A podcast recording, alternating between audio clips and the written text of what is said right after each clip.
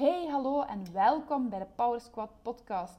Ik ben Natasha en in deze podcast zal ik het samen met een aantal experts en ervaringsdeskundigen hebben over tips en tools die jouw gezondheid kunnen boosten. We leven in een zittende maatschappij waar stress niet meer uit weg te denken is. In die mate zelfs dat het onze gezondheid enorm schaadt. En het is tijd dat we daar iets aan gaan doen. De onderwerpen die aan bod zullen komen kunnen dus heel breed gaan over beweging, sport, mindset, stressmanagement, burn-out, energiemanagement, voeding, kortweg alles wat jou kan helpen om je beter in je vel te voelen. Heel veel luisterplezier! Hey, hallo, hier zijn we weer met een nieuwe aflevering van onze Fit Escape Power Squad. Vandaag wil ik het graag hebben over hoe weet je nu dat je moet ingrijpen op het gebied van je mentale gezondheid en wat kun je doen om jezelf terug beter te voelen. Ik heb onlangs het boek gelezen van de zussen Nagoski over burn-out. En daar ging het over het geversyndroom en ik vond dat akelig herkenbaar. Dus ik dacht dat het wel de moeite was om daar even een podcast over op te nemen. Over hoe dat ik dat bezie, hoe dat jij dat misschien kunt herkennen, dat geversyndroom, en hoe dat je daarop kunt ingrijpen. Plots werd precies alles een beetje duidelijker voor mij, hoe dat het kwam, dat ik het zover had laten komen dat ik een burn-out heb ervaren. En het was alsof ik mij een beetje gesteund voelde, of eerder opgelucht voelde, omdat het plots een beetje duidelijk werd dat het niet per se mijn eigen schuld was.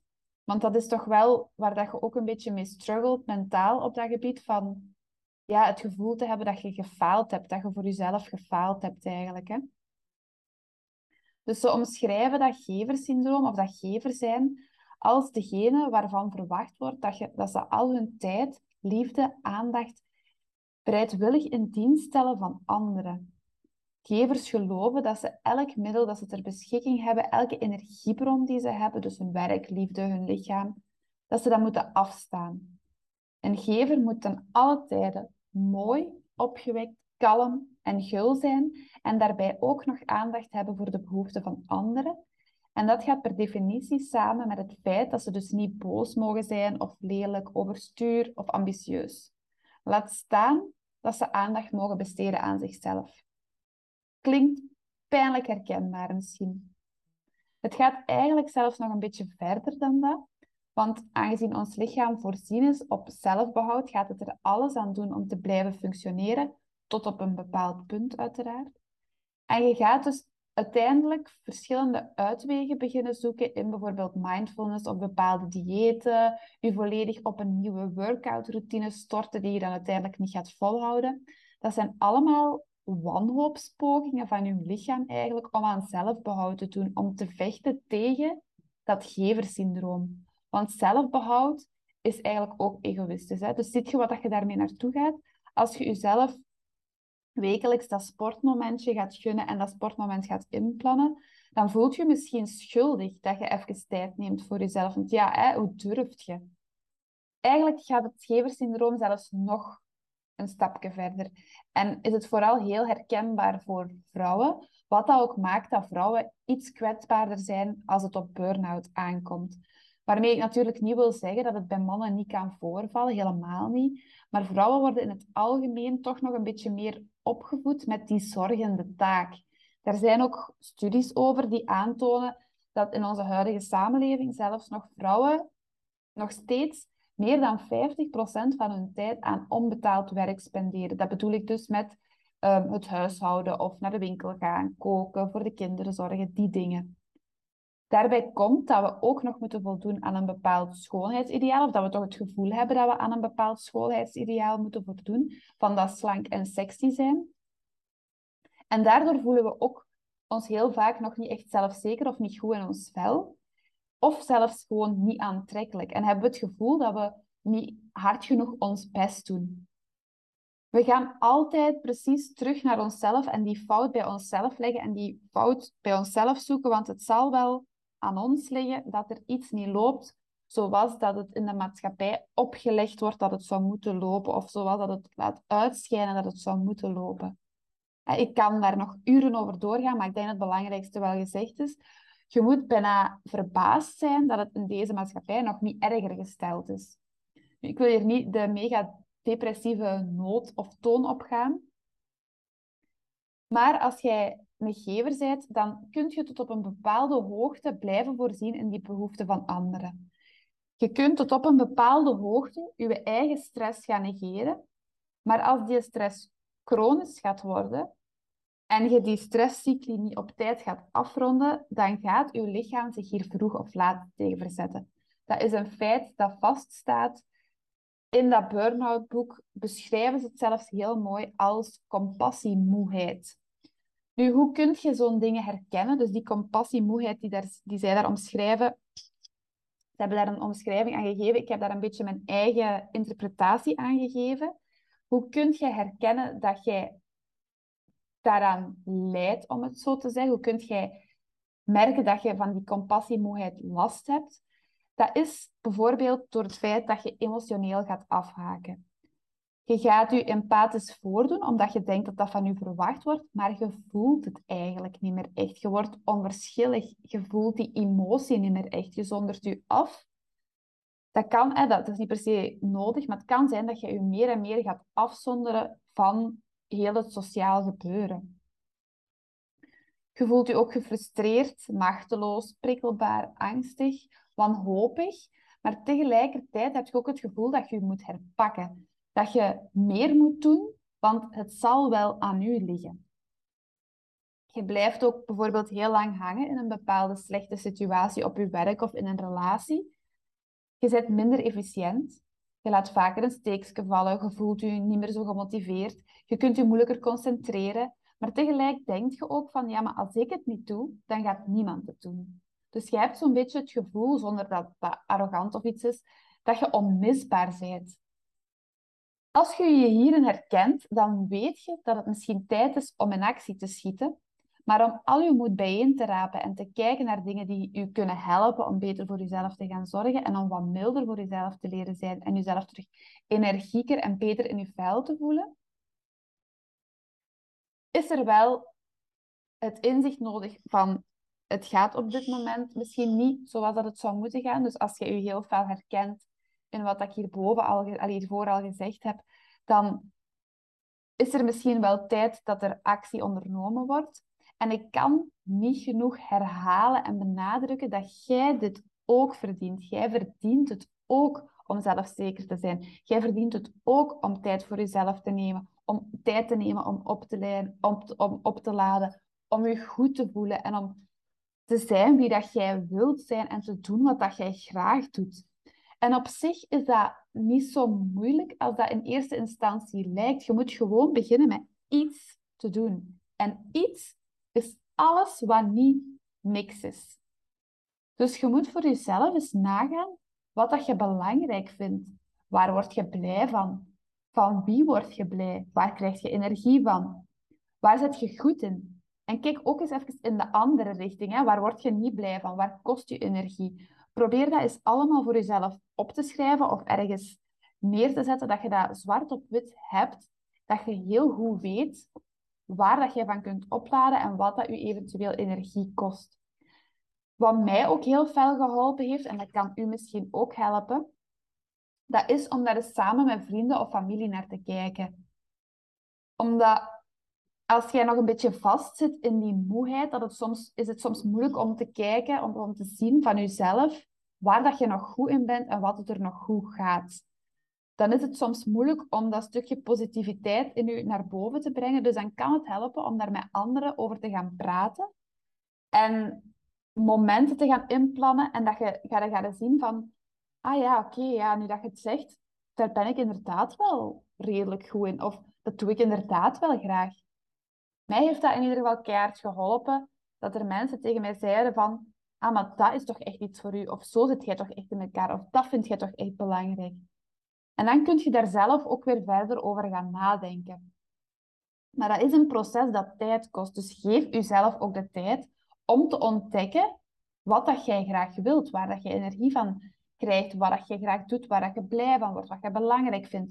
Focus je niet per se op één bepaald eindpunt of één bepaald doel, maar zie het als een proces en geniet van die weg daar naartoe. Werken en bouwen aan de weg die jij moet bewandelen. Ik ben ook nog niet op mijn eindpunt, belangen niet. Maar sinds mijn burn-out in 2015 is het mij wel geleidelijk aan duidelijker geworden waar ik blij van word, waar ik goed in ben, waar ik energie uit haal. En ik probeer daar gewoon bewuste keuzes in te maken. En hoewel mijn job in de finance, finance sector een heel grote trigger was voor mijn burn-out, ben ik daar nadien wel terug ingestapt. Wel met de wetenschap dat ik mij niet weer wou focussen op een beter loon of een carrière maken daarin of um, een chicere auto. Mijn focus is op dat moment al heel hard geshift naar, oké, in de finance sector ligt mijn passie niet, dat was voor mij duidelijk. Maar mijn focus lag wel op de dingen die wel belangrijk waren voor mij en waar ik op dat moment wel al iets aan kon doen. Want het is natuurlijk een hele grote stap om te zeggen van ik ga en meer focussen op wat dat ik leuk vind en wat ik belangrijk vind. Maar er blijft natuurlijk ook een lening lopen, bijvoorbeeld om een huis af te betalen. Dus om dan alles ineens te gaan veranderen, dat is ook niet per se nodig. Ik ben mij op het moment dat ik terug in de finance sector ga focussen op ik wil terechtkomen in een menselijke omgeving. Ik wil mijn buikgevoel volgen en niet het geld per se volgen. Ik wil terechtkomen in een omgeving waar ik mij goed voel. En daar ben ik bij Constellante ook in terechtgekomen. Daar werden geen zotte overuren van mij verwacht. Daar werd geen gigantische druk op mij gelegd. En ik had voldoende tijd en energie om te doen waar dat ik van kon opladen, om te, dingen te doen waar ik energie van kreeg. Wat was bijvoorbeeld voor mij sporten en met de honden bezig zijn en ook nog voldoende tijd en energie over hebben om dingen te kunnen gaan doen met mijn familie en vrienden en waar ik, wanneer ik er zin in had. Dus voor mij was dat op dat moment veel belangrijker dan het financiële stuk. Want op dat gebied heb ik een stap teruggezet op, op dat moment. Maar ik moest wel ook niet meer uh, twee uur in de file staan s morgens. Dus dat zijn allemaal dingen. Ik heb eigenlijk tijd gekocht. Zo, zo probeerde ik het altijd te verwoorden. En gaandeweg is mij duidelijk geworden, want we zijn inmiddels 2022, dus we zijn zeven jaar... Nee, dat kan niet denk dat ik in 16 een burn-out heb gehad. Dus maakt nu niet uit. Pak dat we zes jaar verder zijn, zes, zeven jaar verder zijn. En gaandeweg is mij duidelijker geworden wat dat ik daarmee wou gaan doen. Wat dat ik nu, op dit moment, zit ik op een punt van, oké, ik wil mensen gaan coachen. Ik wil voorkomen dat jij het gevoel hebt dat je alleen bent. En dat je constant maar dingen moet. En dat je niet goed genoeg bent. Ik geloof oprecht dat als we dingen willen veranderen, dat er coaches nodig zijn om anderen te gaan ondersteunen en te gaan begeleiden en te gaan helpen inzien wat dat zij wel al kunnen doen, wat dat ze allemaal wel in hun mars hebben en u te helpen om actie te ondernemen, gerichte actie te ondernemen. Want draai het of keer het zoals je wilt, als jij in die chronische stress gaat blijven hangen en niks gaat doen om die stresscycli waar je eigenlijk dagelijks mee te maken krijgt af te ronden, dan gaat je lichaam op termijn beslissen uit zichzelf en je gaat het niet voelen aankomen dat het genoeg geweest is. En dat wil ik echt helpen voorkomen. En naast het ontdekken waar dat uw waarden liggen en wat dat jij belangrijk vindt en dergelijke, zijn er nog een aantal dingen die jij onmiddellijk kunt doen, die geen gigantisch grote effort vragen om u beter te voelen. Ik ga je er een aantal meegeven wat je kunt doen is bijvoorbeeld al letten op het feit dat je voldoende water drinkt. Dat klinkt bijna te simpel, maar water drinken is belangrijk voor je energiepeil. Dat, is, dat helpt je voor je vertering en het opnemen, transporteren van je voeding. Het helpt je bij het regelen van je lichaamstemperatuur. Het heeft daardoor ook weer zijn effect op de kwaliteit van je slaap. En je slaap is dan ook weer heel belangrijk om voldoende energie te hebben. Het is belangrijk dat je voldoende kwalitatieve slaap hebt. Dus dat, zijn, dat is al één key element wat ik wil meegeven. Zorg ervoor dat jij voldoende water drinkt op een dag. Bouw dat geleidelijk aan op. Mikt in het begin op die liter. Bouw dat op met anderhalve liter tot 2 liter. En je zit vertrokken. Ademhalingsoefening is ook een hele goede. Als jij je bijvoorbeeld een keer heel opgejaagd voelt, probeer je dan eens even te focussen op je ademhaling. Tel bijvoorbeeld vier tellen voor inademen. Heel rustig inademen gedurende vier tellen. En adem dan gedurende een achttal tellen uit.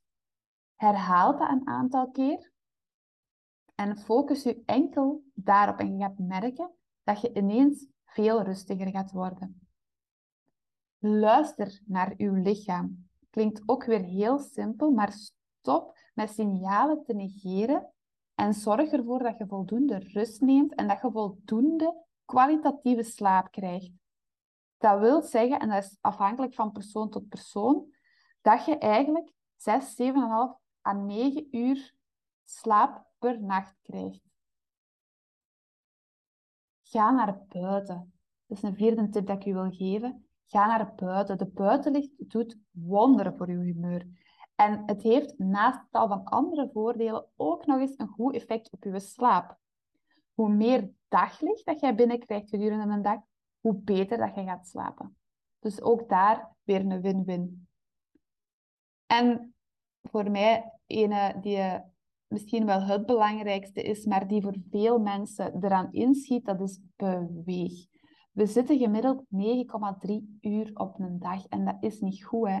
Voor zowel onze fysieke als onze mentale gezondheid is dat echt niet vast. Ik zeg niet dat je meteen een marathon moet beginnen trainen, maar bewegen aan een matige intensiteit is oh zo belangrijk, zowel voor je fysieke als je mentale gezondheid. Als je daar het groter kader en wat tips en info over wilt hebben, dan raad ik je zelfs aan om even naar aflevering 3 van deze podcast te gaan luisteren. Dat is een podcast met psychologe en auteur van het boek Psycholopen, Kirsten Plessers. En daar gaan we daar dieper op in, op ehm, hoe dat jij beweging aan een lage intensiteit kunt inzetten om je beter te voelen en om je stress aan te pakken. En ook weer beter te slapen, uiteraard. Want hoe meer dat je beweegt, wat ook weer een beter effect gaat hebben op je slaap. En bovenal, als zesde, wees mild voor jezelf.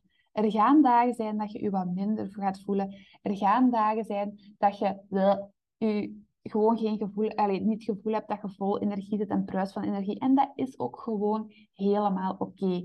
Zeker bij vrouwen, we zitten ook nog eens met onze hormonale cyclus. Dus dat is niet meer dan normaal dat je af en toe dagen hebt dat je je niet oké voelt of dat je niet bruist van de energie en niet overloopt van ideeën. You are not alone and you are doing fine. Hiermee wil ik deze aflevering alvast afronden. Als je het gevoel hebt dat je hulp kunt gebruiken of dat je nood hebt aan iemand die u op weg zet met de juiste inzichten en acties, laat het mij gerust weten. Een goed supportsysteem hebben we allemaal nodig, want als mensen hebben wij nood aan verbinding. En indien nodig, ben ik dus met veel plezier een deeltje van uw supportsysteem.